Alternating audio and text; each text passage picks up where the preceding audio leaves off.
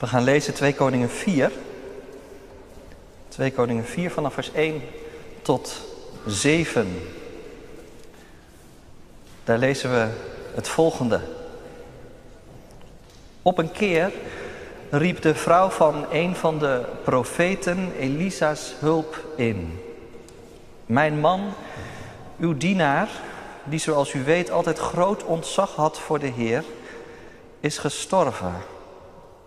Nu zal mijn schuldeiser komen en mijn twee kinderen als slaven meenemen. Wat kan ik voor u doen? vroeg Elisa. Vertel me eens, wat hebt u nog in huis? Alleen een kruikje olie, heer, antwoordde ze, verder niets. Toen zei Elisa, ga bij uw buren kruiken en kannen te leen vragen, lege zoveel als u er krijgen kunt. En als u weer thuis komt, doe dan de deur achter u en uw kinderen dicht. En giet uw olie in die kruiken en kannen over. Telkens als er een vol is, neemt u een volgende. En thuisgekomen sloot de vrouw de deur achter zich. Terwijl haar kinderen haar de kruiken en kannen één voor één aangaven, goot ze de olie over. Toen ze allemaal vol waren en ze haar zoon vroeg haar de volgende aan te geven, antwoordde hij: Er zijn er geen meer. Toen hield de olie op te vloeien. De weduwe ging terug naar de godsman en vertelde hem wat er gebeurd was.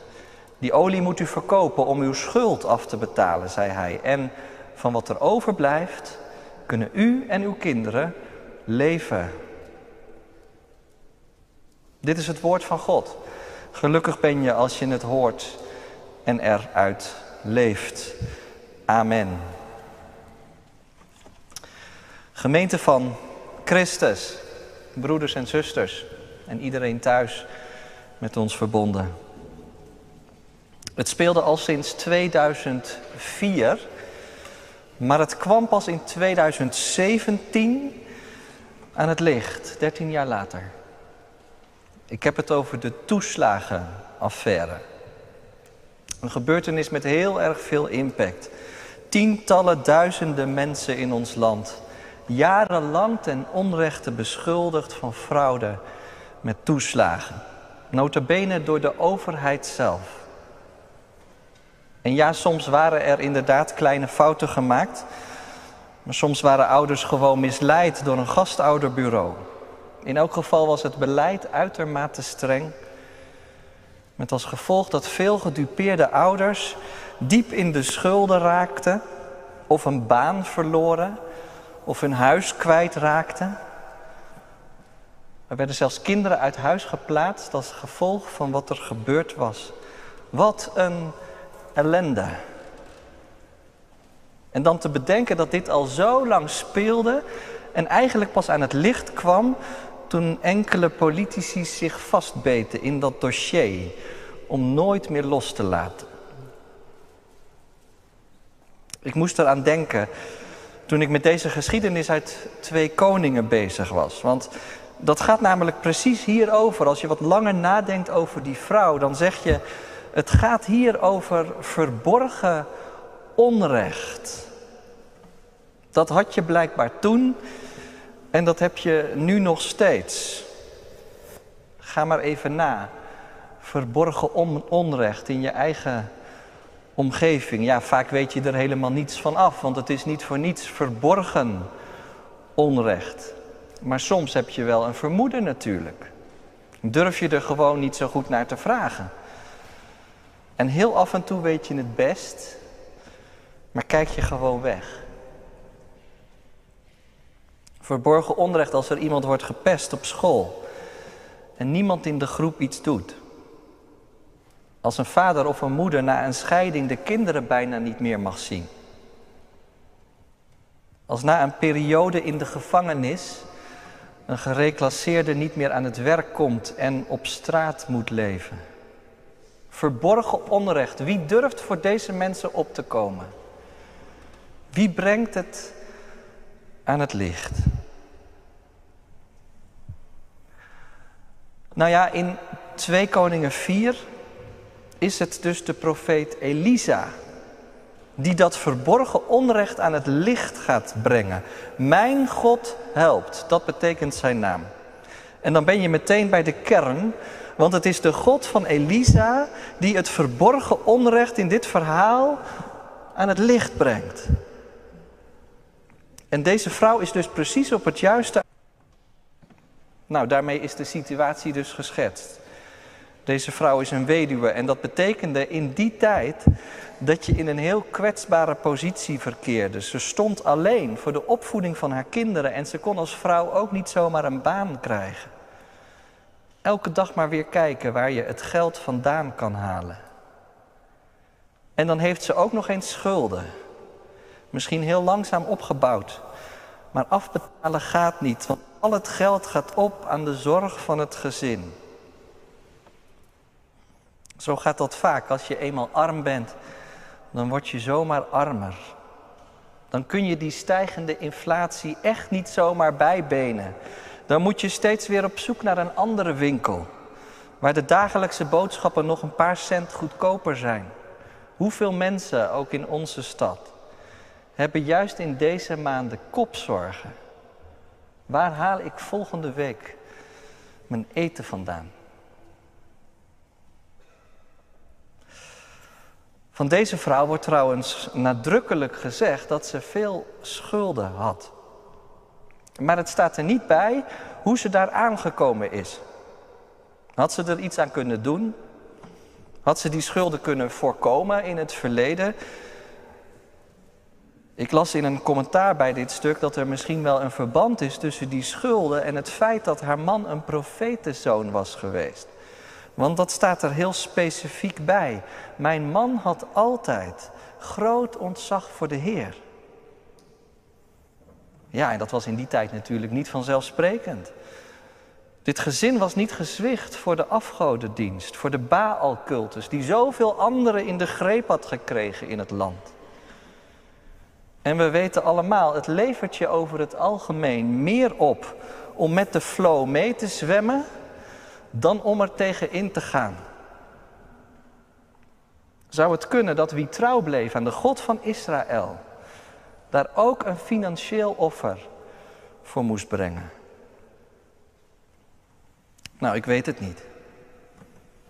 Maar in elk geval proef ik in de woorden van die vrouw wel iets van teleurstelling. Bijna een aanklacht tegen Elisa en tegen God. Moet je kijken wat er kan gebeuren als je voor de Heere God kiest en niet voor de Baal. Dat had ik nou nooit gedacht dat juist een kind van God zoiets overkomt.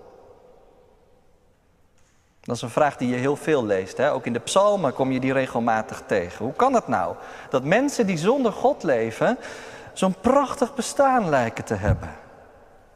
Waarom zou je niet knielen voor de mammon? Moet je kijken wat er met deze vrouw is gebeurd. Is die God er eigenlijk wel? Of heeft die God deze vrouw gewoon in de steek gelaten? Ziet ook hij het verborgen onrecht over het hoofd? Een hele belangrijke vraag, die ligt in dit stuk. Ziet God het verborgen onrecht over het hoofd? Daar lijkt het misschien wel op. Want er staat zelfs al een deurwaarder op de stoep om haar twee kinderen te vorderen en als slaven te verkopen. Alsof het gebruiksvoorwerpen zijn.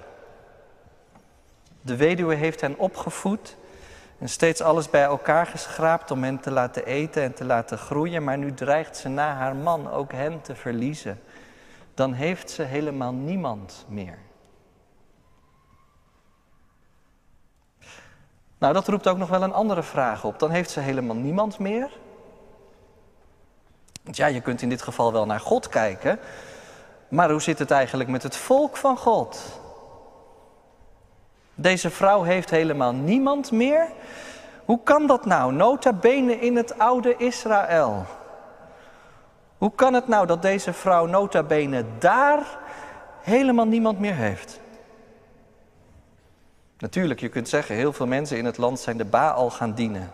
En dit gezin niet. Dus, dus misschien is er wel heel veel contact verloren gegaan. met mensen om haar heen.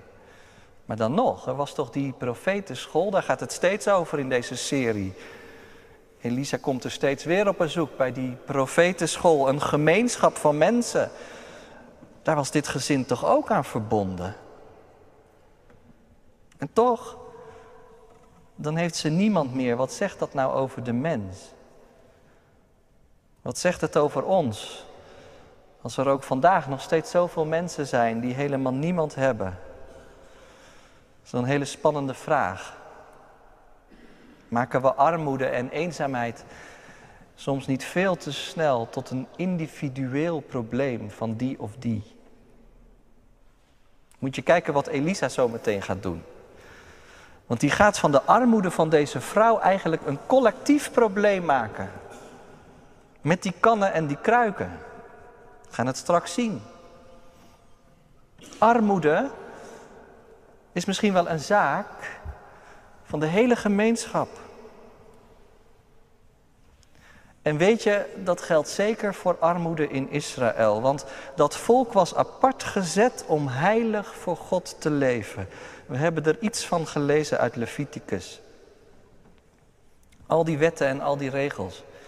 Wees heilig, want ik ben heilig. Wees heilig door bijvoorbeeld elke zeven jaar de schulden kwijt te schelden van wie schulden had. Staat in de wet van Mozes. Zou dat dan nooit gebeurd zijn bij deze vrouw? En wees heilig door wie toch in geldnood zit, zonder rente geld te lenen. Of wees heilig door bij het oogsten een deel van het koren te laten staan of liggen voor de armen. Denk maar aan dat verhaal van Naomi en Boas en Rut. Als het volk zich aan al die regels zou houden, dan was het helemaal niet nodig om kinderen als slaven te verkopen. En het lijkt me dus wel duidelijk, wat hier gebeurt kan niet en mag niet. Hier komt een collectieve zonde aan de oppervlakte. Dat krijg je nou van die afgodendienst. Als je de wetten en de regels van God gaat vergeten. Hier slaat een hele gemeenschap de plank mis. Door het maar gewoon te laten gebeuren.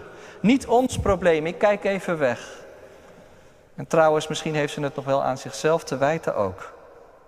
Wij kunnen niet de hele wereld redden. Nou, en dan kom je iets heel belangrijks op het spoor. Want dan blijkt in deze geschiedenis dat God zelf instaat voor het recht in Israël. Daar gaat het over. Kijk, wij mensen laten de dingen vaak gewoon op zijn beloop. Er gebeurt heel veel goeds. Dat is echt een zegen van God.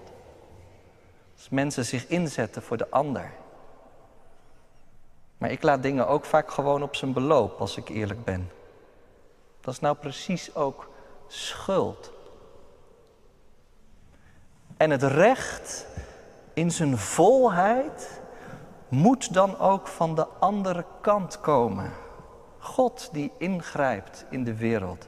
Kijk maar. De profeet Elisa ziet die vrouw staan. En hij stelt precies de juiste vraag. Wat kan ik voor je doen? Dat is een vraag die haar buren misschien al veel eerder hadden moeten stellen. Elisa doet wat de gemeenschap had moeten doen. Recht verschaffen. Vertel me eens, wat heb je nog in huis? Wat ze nog in huis heeft, ja, niet veel. Alleen nog zo'n heel klein kruikje met olie. Misschien is het wel zalfolie geweest, door haar man ooit gebruikt op de profetenschool. Een laatste herinnering aan haar overleden echtgenoot, misschien wel niets waard. Maar voor Elisa is het genoeg, dat hele kleine kruikje. Dat wordt het begin van iets nieuws. Als God gaat ingrijpen, dan kan hij zomaar beginnen met bijna niets. En Elisa geeft de vrouw een opdracht mee. Ga bij je buren lege kruiken en lege kannen zoeken. Vraag ze te leen. Zoveel als je er kunt krijgen. Nou zijn we al een aantal weken onderweg met deze serie over de profeet Elisa. En misschien begin je inmiddels wel een paar patronen te ontdekken. Dat je zegt van ja, dat komt nou eigenlijk in heel veel van die geschiedenissen voor. Eén element komt bijvoorbeeld steeds terug en dat is de dwaze vraag. Twee weken geleden ging het over de profeet Elisa op het slagveld bij de koning. Die moest kuilen gaan graven in de woestijn. En dominee Soutendijk verwoordde het toen heel mooi. Er klinken zulke dwaze, idiote vragen. Wat een zinloze actie. Waarom zou je daaraan beginnen? Nou, zei hij, omdat het profetische woorden zijn. Die je kunnen meenemen. Dat je iets gaat doen wat je uit jezelf nooit zou doen. Een dwaze gehoorzaamheid. Je moet ruimte maken. Gods woord werkt. Maar je moet zelf dwaas worden om het te ontvangen. Ik vond dat een prachtige samenvatting. En, en je ziet het hier ook gebeuren, hè? Ga kannen en kruiken halen bij je buren, zoveel mogelijk. Dat is, dat is eigenlijk een dwaze vraag. Maar ook een profetische opdracht. Die vraag heeft met geloofsvertrouwen te maken. Dat ze het durft om al die kannen en kruiken binnen te halen, leeg nu nog. En tegelijkertijd gebeurt er volgens mij ook iets anders met die vraag, want het is ook een profetische opdracht. Het is eigenlijk gewoon een spiegel als die vrouw het hele dorp door moet om overal kruiken en kannen te vragen. De nood van deze vrouw, lege kannen en kruiken, dat is dus ook mijn nood. Geef daarom al je kannen en kruiken maar aan haar mee. Jullie moeten haar helpen. Maak haar nood tot jouw nood. Best nog wel spannend, dacht ik, want dat vraagt natuurlijk best wel wat van die mensen. Die weduwe heeft helemaal niets meer en er staat een deurwaarder bij haar voor de deur. Zou jij ze meegeven? Als je zelf alles in kannen en kruiken hebt. Straks raak je ze nog kwijt, gaat ze het verkopen. Als afbetaling. Maar het hele dorp moet eraan geloven en het hele dorp gaat erin geloven, lijkt het wel. Dat is ook wel weer heel mooi. Er gebeurt iets op deze plek. Ineens is er reuring. Ineens is er toch nog zoiets als solidariteit. Het profetische woord dat klinkt, zet een hele gemeenschap in beweging. En dan komt die vrouw weer thuis, samen met haar kinderen. En dan moet ze toch nog iets heel onverwachts doen, want dan moet die gemeenschap toch nog even buiten blijven. Sluit de deur achter je dicht. Is nog wel even een mooi detail in deze geschiedenis. Want wat er gebeurt, ja, wij lezen mee. Maar, maar in die tijd, toen, toen het gebeurde, toen gebeurde het in de intieme, gesloten ruimte van het huis. Niemand die het zag. Zie je wel vaker in het boek Koningen. Dat er een deur dicht gaat als zich een wonder gaat voltrekken. Blijkbaar is dat ook een waarheid. Dat als God gaat werken in je leven. Als God recht gaat doen. Dat er dan niet altijd pottenkijkers bij hoeven. Je hoeft ook niet alles aan anderen te vertellen. Maar God werkt wel. Gods werk heeft iets mysterieus. Je krijgt het niet zomaar in je vingers. Maar achter deze gesloten deur wordt dit gezin weer op de been gebracht. En gaat die deur weer open en komen die vaten eruit en zijn ze allemaal gevuld met olie. Verkoop het maar, zegt Elisa, die ook buiten is gebleven. Verkoop het maar om je schuld af te betalen. En van wat er overblijft kun je leven. Dat wonder voltrekt zich dus in het huis van die vrouw. En niemand die het ziet, maar, maar, maar, maar wij wel. Op een afstand in de tijd. Dat is wel mooi eigenlijk, hè? dat we die geschiedenissen krijgen, die woorden. Die woorden die ons iets vertellen over wie God is.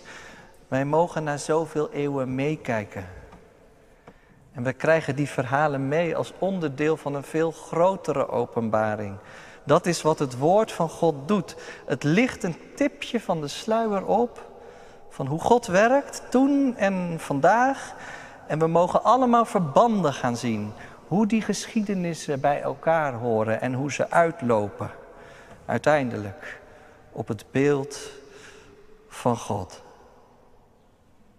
Want wij mogen vanmorgen vanuit dat huis van die weduwe ook naar boven kijken. Het gaat hier over God. Het gaat hier over het ingrijpen van God in dat huis. God die de dingen recht zet. Je leert er Hem mee kennen. En dat beeld van God wat je in deze geschiedenis al een beetje ziet, dat wordt nog veel scherper als je die lijnen doortrekt naar het Nieuwe Testament, zoals we dat steeds weer mogen doen. En dan komen we ook steeds weer achter in deze serie dat de profeet Elisa lijkt op Christus als twee druppels water. Wat Elisa doet, is steeds een voorafschaduwing van wat Jezus Christus zal doen. Wat dan? Nou, bijvoorbeeld van bijna niets iets overvloedigs maken. Die wonderbare spijziging van maar liefst 5000 mensen. Of wat dacht je van de bruiloft van Cana? Steeds weer datzelfde thema. Steeds weer die beweging van het tekort naar de overvloed. Maar in dit geval ook wel heel specifiek de beweging van de schuld naar de overvloed. We hebben gezien, het gaat hier niet alleen over de schulden van een vrouw. Het gaat hier ook over de collectieve schuld van een hele gemeenschap. En wat is het dan een geweldige belofte dat al die kannen en al die kruiken worden gevuld. Wat een geweldige belofte dat die schuld wordt afbetaald door een ingrijpen van buitenaf. Deze vrouw wordt van haar schuld bevrijd. En vervolgens mag ze doorgaan met leven. Zo eindigt het verhaal. Het woord leven. Leven samen met haar buren en met haar kinderen en met de hele geschiedenis. Ga leven. Nou is er heel veel verborgen onrecht in onze wereld. En ik dacht, er is ook veel verborgen schuld. Misschien herken je het wel bij jezelf. Spijt over keuzes die je hebt gemaakt. Het knagende besef dat je te vaak hebt weggekeken. Kan van alles zijn. Maar vergeet het niet. Wat toen gebeurde, gebeurt nog steeds. Open je handen en dank God dat zijn zoon naar de wereld kwam, juist om ons van onze schuld te bevrijden. We hoeven niet als slaven door het leven te gaan. God wil ons bevrijden van onze schuld in nieuw leven. Ga leven. Kijk vooruit naar het recht dat ooit voluit zegevieren zal. Nooit meer tranen, nooit meer pijn. Want wij zullen met Hem leven in Zijn nabijheid. Voor altijd. Amen.